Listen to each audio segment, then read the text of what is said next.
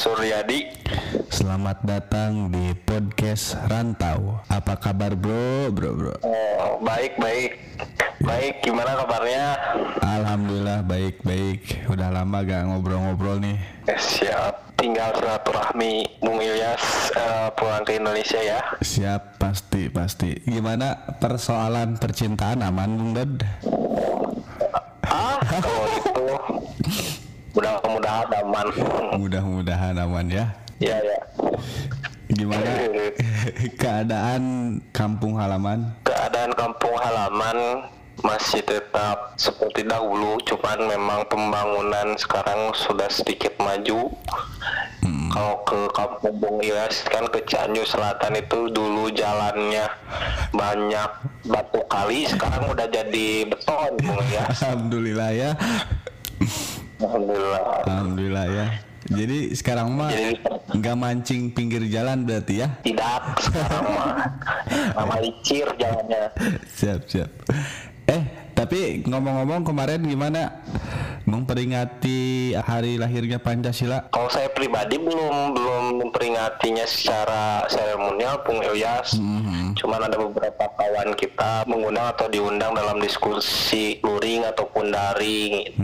karena hari lahirnya Pancasila 1 Juni. Tapi ya sekarang juga ulang tahunnya Tan Malaka ya Bung ya? Ya, hari ini ya kita doakan almarhum supaya masih tetap dikenang itu karena beliau juga jasa-jasanya banyak untuk revolusi di Indonesia karena Tan Malaka juga disebut juga bapak revolusioner kan. Hmm, kaum kaum milenial eh, tahu siapa itu Tan Malaka aja sih sebenarnya. Ya mungkin nanti kita bahas ya Yas terkait eh, sosok Tan Malaka. Hmm, Karena hari ini juga kebetulan bisa disebut bulan Bung Karno di bulan Juni ini. Oh iya benar-benar. Kenapa sih itu alasannya kalau misalkan bulan Juni itu selalu disebut dengan Bung Karno gitu Bung Dodi? Ya, karena pertama di bulan Juni ini Bung Karno lahir, ya gitu, lahir, dibesarkan dan eh, wafatnya pun di bulan Juni. Dan kebetulan di tanggal 1 Juni juga gagasan Bung Karno lahir. Makanya mungkin disebut bulan Bung Karno ya. Karena mau tidak mau Bung Karno ini atau Soekarno ini sebagai tokoh perjuangan kemerdekaan, Bung Yas. Oh iya, iya. Ia memegang peran penting dalam upaya memerdekakan Indonesia dari penjajah waktu itu. Kurang lebih beliau ini merupakan tokoh amatir lah kemerdekaan Indonesia dan tentunya bersama Muhammad Hatta Hmm, yang waktu itu terjadi pada 17 Agustus 1945. Lalu seperti apa sih betulnya sosok Soekarno yang sebenarnya? Nah ini yang perlu kita ketahui bahwa Soekarno ini lahir dari pasangan Sukami Sosrodi Harjo dan Ida Ayu Nyoman Raidi Surabaya 6 Juni Hmm. 1901 tepatnya di bulan ini cuman tanggalnya masih beberapa hari lagi lah Hmm. gitu beliau ini ada fakta yang menarik Bung Yas terkait Soekarno ini. Gimana tuh Bung Dod? Nah, ketika dilahirkan dia diberi nama Kusno. Oh iya. oleh orang tuanya Hmm. tapi karena sering sakit ketika berusia 11 tahun kurang lebih namanya diganti menjadi Soekarno oleh sang ayah itu nah di beberapa negara barat dan timur tengah nama Soekarno ini kadang tulis Ahmed Soekarno Oh. ha. itu menarik ya menarik karena di negara barat dan timur ini i- itu Hmm. eh, hal yang jarang ketika namanya itu hanya satu kalimat gitu Oh. jadi cukup asing lah di di pemikiran orang-orang negara barat dan negara timur kebiasaan masyarakatnya jadi menggunakan nama Ahmed Soekarno gitu Hmm. begitu Bung Jaya Ah, Bung Dod. Tapi Bung Dod ngomong-ngomong eh, bulannya Bung Karno gitu. Terus kemarin juga kan eh, hari lahirnya Pancasila gitu. Terus saya mau nanya Bung Dod, maksudnya kalau kita ngomongin lahirnya Pancasila dan perjalanannya itu gimana Bung Dod? Kayaknya pas aja gitu.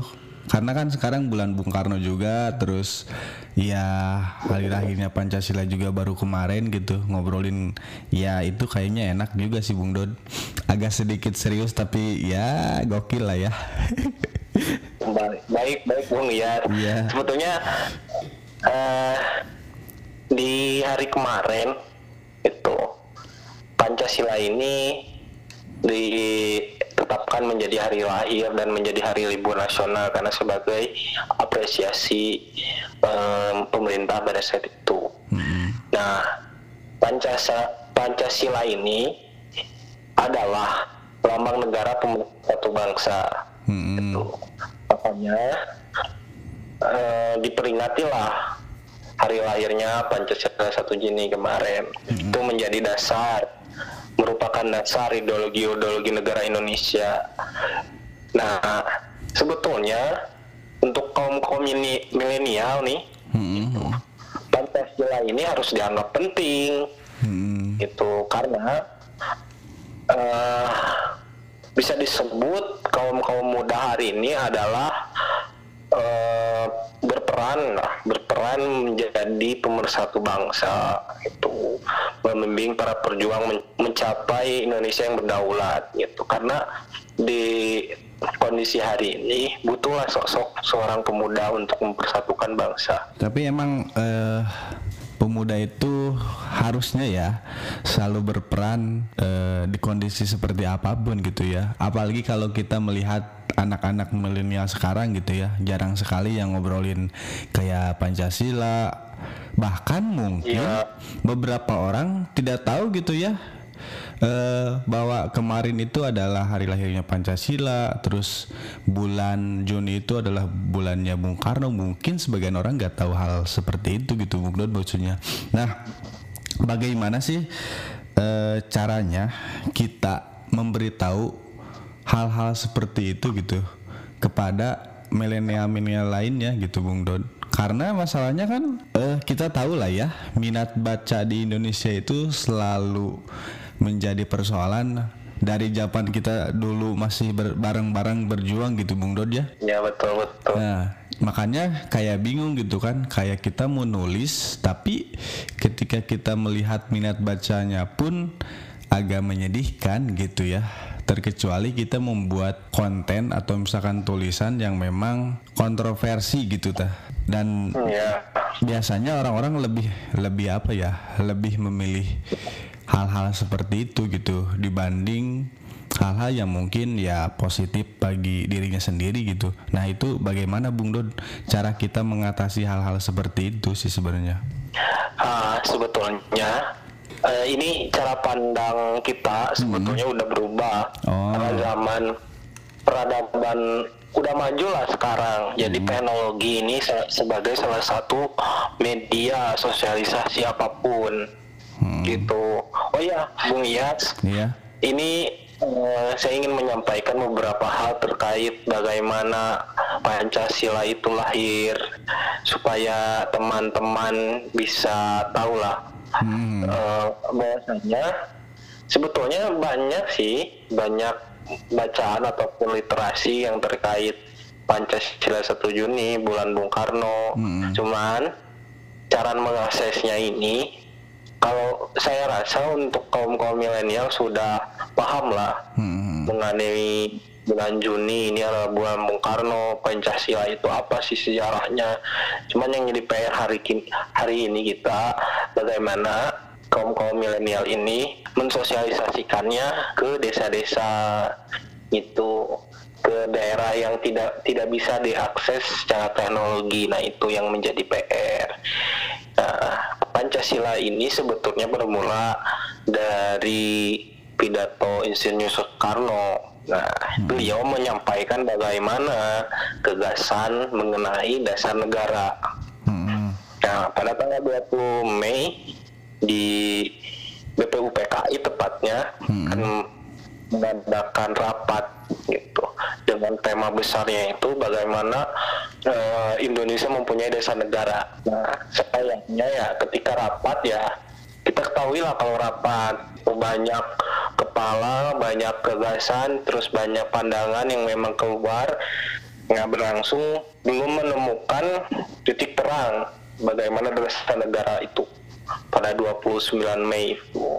Hmm. Nah, Insinyur Soekarno diberikan kesempatan di dalam uh, problematika mencarinya desa negara Republik Indonesia pada tanggal 1 Juni 1945 dalam pidatonya tersebut beliau menyampaikan gagasan mengenai dasar negara Indonesia dengan des, dengan sebutan Pancasila. Nah, mendengar pidato yang disampaikan di tengah sidang BPU PKI memutuskan untuk membentuk panitia panitia kecil guna menyusun dasar negara dengan pedoman pidato yang disampaikan oleh Insinyur Soekarno.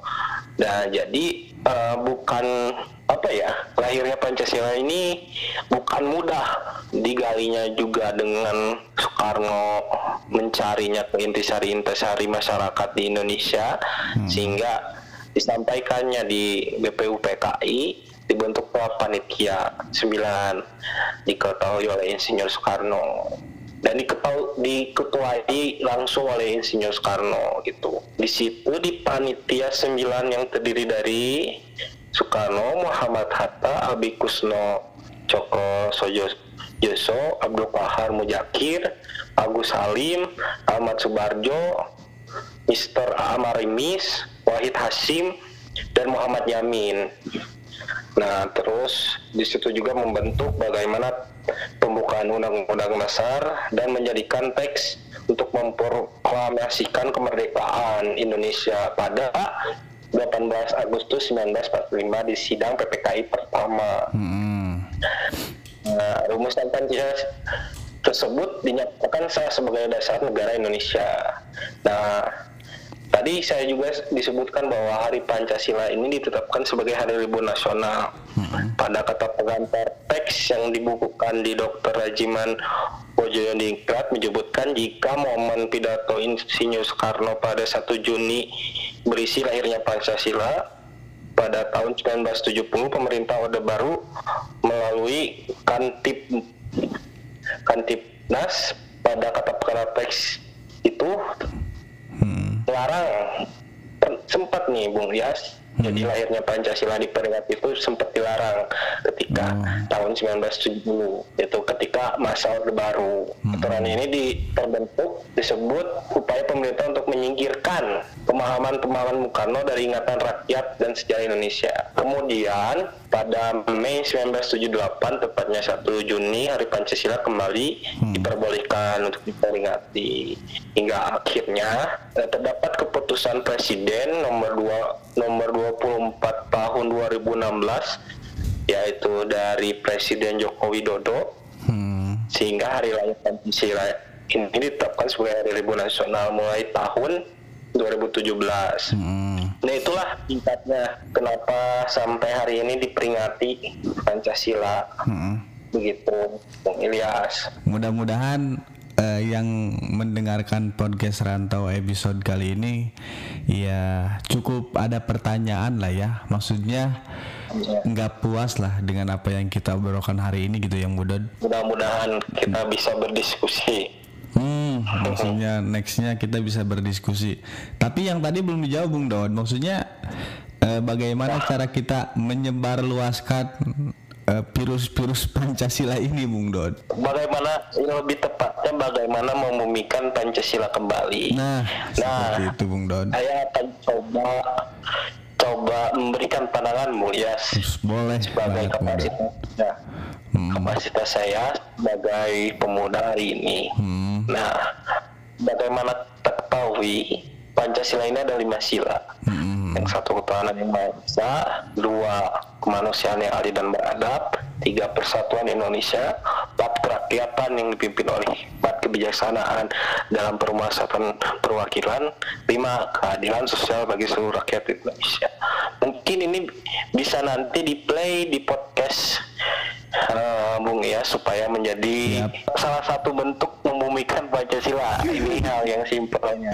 Mudah-mudahan. Iya, mudah-mudahan. Nah, yang kedua memang hari ini secara kontekstual ataupun, ataupun tekstual hmm. Pancasila ini sudah final itu sebagai dasar negara tidak bisa diotak-atik ataupun dirubah oleh siapa pun. Okay. Nah sekarang PR-nya, PR-nya hari ini nilai-nilai dasar, nilai dasar dari Pancasila ini bisa dipahami langsung sampai ke akar rumput dari mulai sejarah terbentuknya, bagaimana masa kemasanya Pancasila ini, dinamikanya sampai terbentuknya hari ini lima sila tersebut gitu. Dalam artian tidak ada pemotongan sejarah dan tidak ada uh, sedikit pun kata-kata yang dirubah dari uh, proses perjalanan Pancasila itu sehingga masyarakat hari ini bisa memahami bagaimana nilai-nilai utuh dari Pancasila itu. Selanjutnya, ini PR besar untuk kita semua. Hmm. Itu yang menjadi pertanyaan pun saya pribadi terkait bagaimana membuat Pancasila. Kita selalu berbicara bagaimana membuat Pancasila, sedangkan orang-orang yang menjadi eksekutif, legislatif, ataupun yudikatif tidak mencerminkan dan mencontohkan hal tersebut kepada masyarakat Indonesia. Nah, bagaimana uh, masyarakat Indonesia ini bisa mulai mengimplementasikan Pancasila apabila contohnya pun belum bisa ataupun sistemnya belum bisa ke arah Pancasilais. Ya contoh hari ini kebijakan-kebijakan pemerintah belum sampai kepada arah kebijakan Pancasilais. Itu sampai kemarin di tahun kemarin kan sampai ada gejolak masa hmm. penolakan bagaimana aturan uh, undang-undang cipta kerja. Yang akhirnya di, pada hari ini disahkan dan gejolak-gejolak ataupun aspirasi-aspirasi di masyarakat pun tidak didengar betul. Karena hari ini pemerintah tidak mencontohkan langsung bagaimana seseorang yang Pancasilais itu hal yang kecil lah yang harus kita desak bersama-sama bahwa kita harus mempunyai cocok uh, contoh ataupun sosoknya dulu hmm. seperti Bung Karno tidak mungkin tidak mungkin kan Bung, Bung Ilyas kita menghidupkan lagi Insinyur Soekarno. Iyalah. Itu hmm. ceritanya Bung Iyas. Siap Bung Don. Apakah Pancasila itu emang bisa disebut sebagai salah satu bentuk bahwa Indonesia ini udah merdeka gitu? Kalau misalkan dari um, apa kalimat yang tadi Bung Iyas dipertanyakan, saya rasa itu sudah final Bung Iyas bahwa oh. Pancasila ini dasar negara dan uh, sebagai lambang secara de jure dan de facto uh, ideologi bangsa. Iya. Yeah. Cuman yang tadi persoalannya kenapa kita masih mempertanyakan hari ini masyarakat Indonesia merdeka atau belum? Penguasa hari ini kita sebutkan seperti itu kasarnya ya, mm-hmm. belum melaksanakan atau mengejawantahkan bagaimana nilai-nilai dasar tema uh, sila itu bisa pukul rata seperti itulah. Mm-hmm. karena yang namanya paradigma masyarakat pasti mau uh, apa pasti memukul rata seperti itu. Tidak mungkin lah masyarakat berpandangan yang seperti kita. Masyarakat kan harus perlu dikasih tahu dulu yeah. bagaimana kondisi bangsa hari ini, bagaimana sejarah ataupun perjalanan bangsa hari ini. Nah, baru mereka memikirkan bagaimana untuk membangun bangsa secara gotong royong yang menjadi nilai dasar Pancasila itu. Hmm. Gitu. Dan mudah-mudahan apa yang diinginkan Soekarno juga tercapai sih sebenarnya Bung Dodja. Banyak yang perlu digali. Iya, sebenarnya banyak Bung Dod. Tapi uh, hari ini semangatnya perjuangannya seakan-akan tak pernah mati gitu kan? Hmm. hingga sekarang banyak masyarakat Indonesia yang sangat menghormati sosok proklamator yang satu ini. Nah pada masa pemerintahannya dulu ternyata Bung Karno terkenal mem memiliki kebijakan politik yang berani. Nah, jadi uh, seakan-akan nih seluruh dunia ini gentar melihat seseorang seorang satu orang Soekarno ini. Ya apa saja sih? Pertama pembebasan Irian Barat yang berhasil mengusir Belanda. Dulu pernah berlarutnya masalah terkait penyerahan Irian Barat uh, sejak kedaulatan negara ini diganggu lah oleh masa kolonialisme pada saat itu sehingga Soekarno geram karena beberapa kali jalur diplomasi gagal Soekarno menyiapkan jalur lain yaitu konfrontasi total baik dalam bidang politik ekonomi militer nah ini yang menjadi luar biasa bahwa nasionalisasi perusahaan asing milik Belanda, terus pembentukan pemerintahan sementara Irian Barat di Tidore, hingga digaungkannya Trikora. Hmm. merupakan berbagai kebijakan yang dilakukan Presiden Soekarno untuk memuni hanguskan Belanda dari Irian Barat. Terus, nah dampaknya kekuatan militer Indonesia pun meningkat pesat, Bung Yas hmm. sehingga membuat Indonesia menjadi negara terkuat di belahan bumi selatan pada waktu itu. Nah, ternyata uh, kekuatan militer kita tidak hanya diakui di pada hari ini, Bung ya, ketika hmm. zaman Soekarno pun sudah uh, ditakuti oleh seluruh negara karena kebijakan politiknya seorang Soekarno. Dua, beliau ini, Soekarno ini, berani menjadi tuan rumah Asian Games, meskipun oh, iya. dengan keterbatasan ekonomi Hmm, itu baru pertama kali Bung Dod ya? Pertama kali. Iya, Asia, Asia kalau salah Asia Games keempat Bung ya. Iya iya benar Bung Dod. Waktu persiapan yang kurang dari kurang lebih nih empat tahun lah dengan ekonomi yang masih kalang kabut karena baru merdeka Indonesia pada situ. Hmm.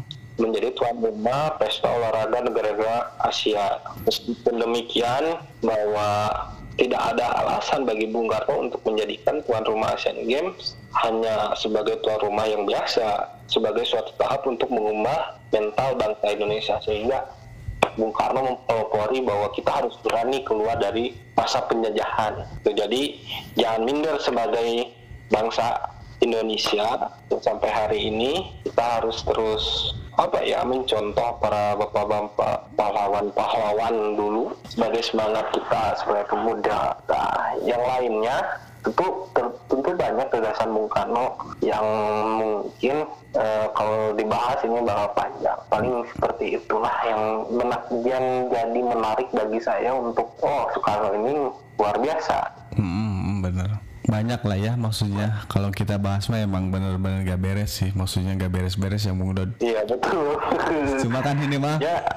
kita udah lama nggak nggak ngobrol. Tiga tahun nggak kerasa juga ya. Lama banget ya. Udah berapa kali lebaran itu? Udah iya. pulang-pulang Bang Toib? Udah jadi Bang Toib.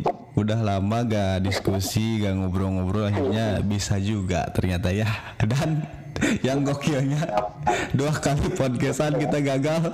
Banyak gangguan dan sebagainya. Iya. terima kasih Bung Yas iya iya Bung Dod ya Bung Dod mungkin itu aja sih. Nanti juga kita lanjutin lagi lah di hari berikutnya. Cuma mungkin eh, pesan-pesan buat anak-anak milenial supaya lebih melek melek tentang pengetahuan sejarah dan lain sebagainya gitu Bung Dod. Ada gak tuh pesan-pesannya? Ada sih pesan iya gimana tuh? yang memang dari Soekarno sendiri sih. Warisi apinya jangan abunya. Bener. bahwa kita harus mewarisi api semangatnya jangan sampai masalah-masalahnya kita juga warisi. Makasih juga udah meluangkan waktunya dan mudah-mudahan pendengar kali ini sangat begitu tidak penasaran karena kita ngobrol agak serius sih sebenarnya. Kalau udah ngomongin Soekarno itu emang susah bercanda bos kita tuh. Mungkin bercandanya setelah selesai berbicara Soekarno baru kita bisa iya. uh, ya. Iya tapi emang dengan obrolan ini mengingat dulu lah ya masa-masa kita dulu terus kangen lah ngobrol banyak hal tentang sejarah terus uh, banyak konflik yang kita selesaikan juga. Pokoknya kangen lah di masa-masa itu. Dan terima kasih Bung Dodi. Baik baik. Okay. ya tunggu kedatangannya di Indonesia. Siap. Makasih banyak Bung Dod